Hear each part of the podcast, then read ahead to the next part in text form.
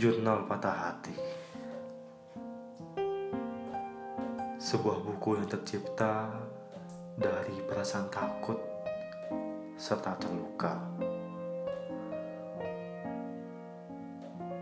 Oleh sebuah rasa yang dia bela lalu punah bersama dengan ekspektasinya.